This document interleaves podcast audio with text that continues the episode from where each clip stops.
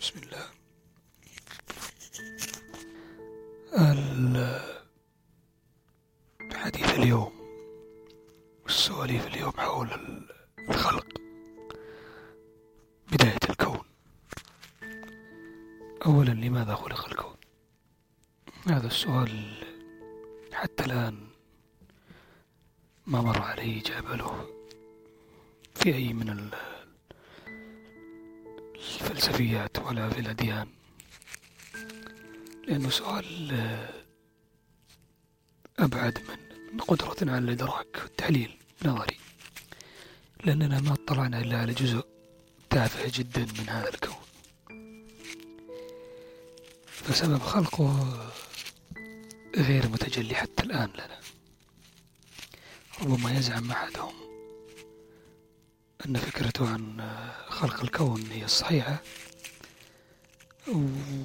ولا يمكننا أن نعارضه بشدة ولا نتفق معه بشدة لأن الأمر بنظري الشخصي وليس بنظرة علمية. الأمر يفوق ال- القدرة المنطقية على التحليل يحتاج إلى سبب ومسبب يحتاج إلى دليل خارج هذا الوعي الذي نعيش فيه. أما خلق البشر ف فهناك أسباب. لكن نبدأ من بدأنا بالكون والمعنى الأوسع للوجود أو أوسع معنى للوجود نعرفه نحن كبشر. الكون بدايته عند الإغريق آه، لا شيء. Nothingness ثم بشكل من الأشكال تكون إله معين الذي هو إله الأرض ثم انجب إله ال- السماوات أورانوس ثم انجب إله ال- المحيطات ثم توالت ال- الآلهة وتكاثرت فهم وصفوا كل ناتج طبيعي في هذا الكوكب وليس الكون. وما يرونه من الكون.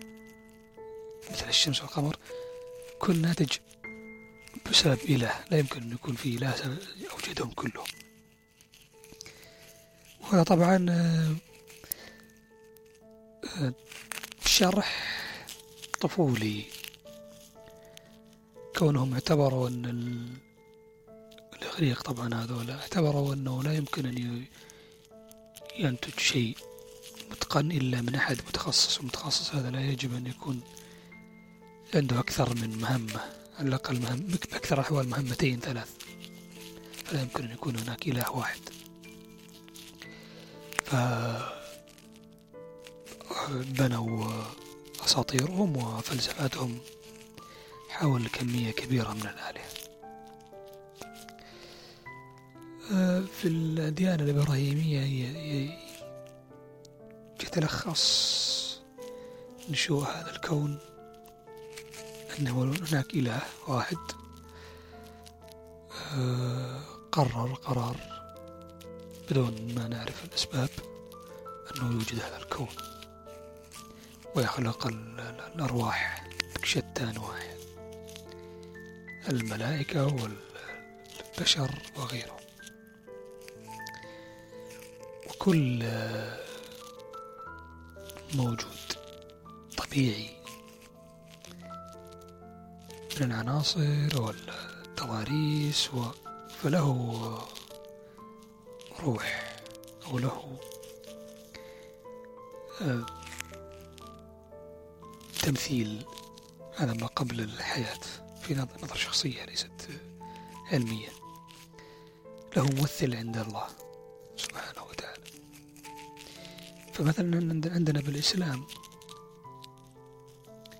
وهذا يجيبنا سبب آه، نزولنا للأرض أما سبب خلقنا للعبادة سواء في الأرض أو في غيرها لكن آه، وجد سؤال آه، غريب جدا. وسهل في البداية للأرواح اللي عندها القدرة على التعلم مثل البشر والجن مثلا. كثير من الأرواح ليس لديها قدرة على التعلم الذاتي إنما لديها قدرة على تلقي العلم من أحد. فسأل الله عز وجل من يحمل هذه الأمانة وأن عرضنا الأمانة على السماوات والأرض والجبال فأبين أن يحملنها كل المخلوقات بدون استثناء مخلوقات عظيمة. آه، رفضت أن تحمل الأمانة. الأمانة طبعا في نظري الشخصي ليست نظرية علمية ولا قراءة تافهة بسيطة جدا فيها كثير من الاجتزاء. أن الأمانة هي الحرية على الاختيار أو القدرة على الاختيار أو ترك الحرية الكافية لهذا الكائن أن يختار هل يدين لله بالملكوت والألوهية أو لا. طبعا نحن كلنا كبشر سألنا هذا السؤال وقبلنا. لأننا ما ما نعرف آه، ما انتظرنا حتى نعرف ما هو سبب الرفض بقية المخلوقات. كنا نعرف أننا ندين ذاك ذلك الوقت أننا كنا ندين لله بالملكوت والألوهية والعلو سبحانه فلما قبلنا عرفنا أن هناك حرية الاختيار لا لن تكون في آه، في سلطان الله أو عند العرش أو ما قبل الحياة. لازم يكون هناك بيئة مناسبة للاختبار بحيث تتوفر كافة شروط الاختبار ويتم على أثره اختبار كل فرد لوحده. فلذلك نزلنا للأرض وجودنا هنا. فبدأت الحياة لنا كبشر من من سنوات طويلة لا يمكن أن نحصيها لكن هناك برضو نظرية أنا أميل لها.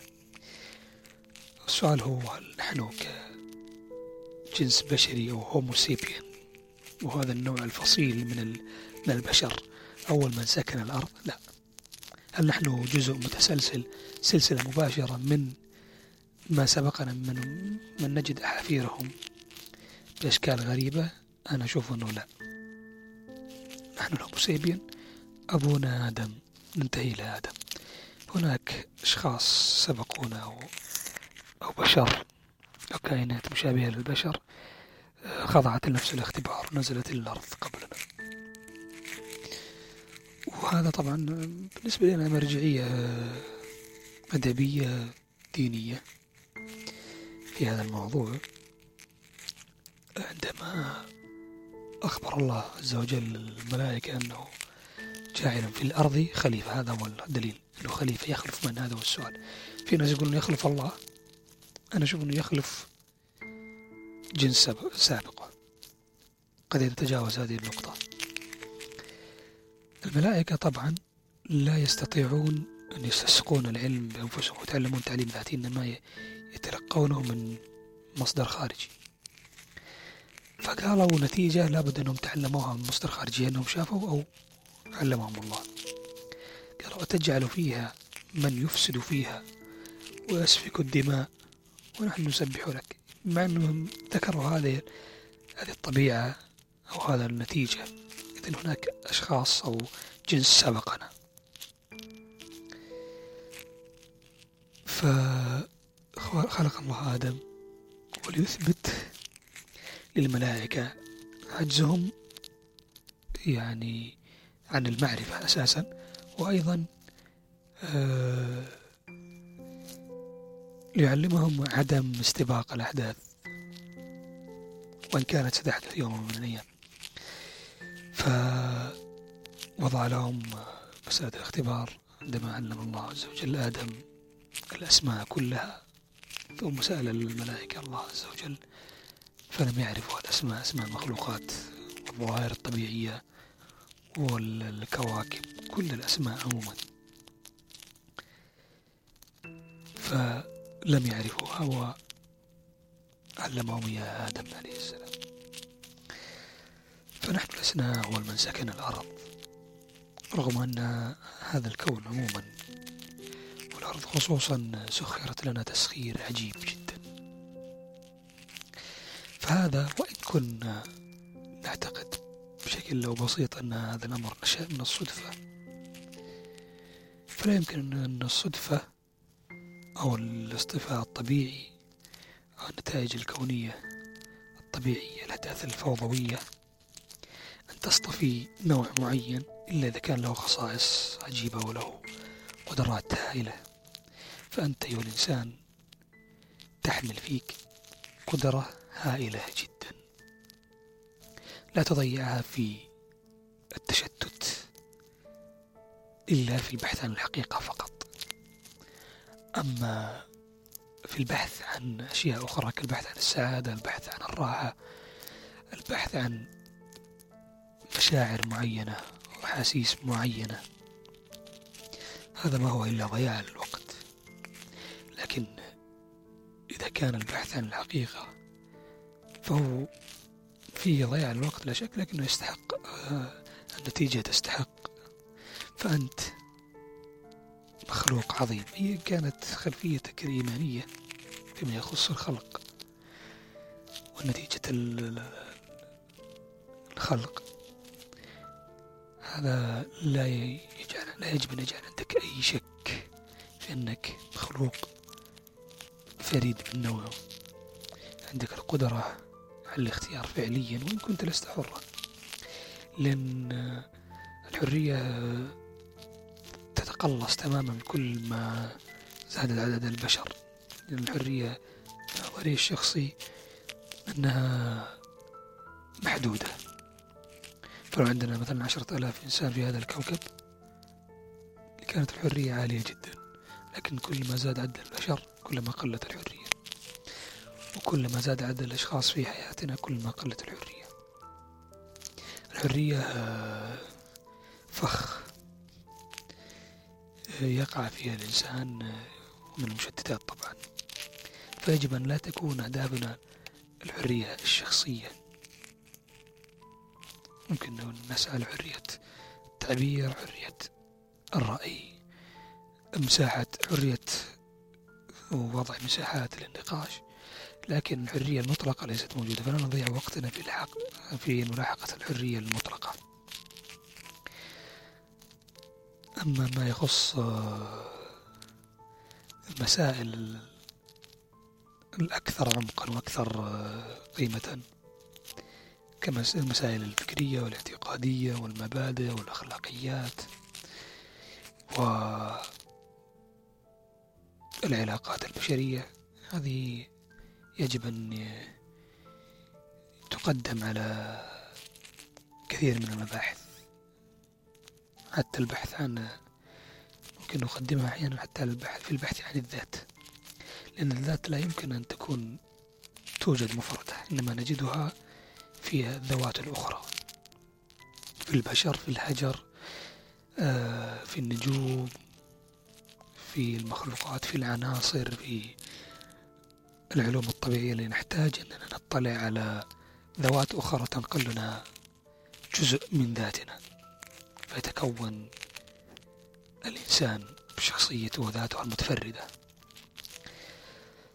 وإلى هنا ينتهي البث الأول أو البودكاست الأول. وما هو إلا سويفات نثرية. قد يكون بعضها مترابط وقد يكون البعض بعيد تمام البعد عن الترابط.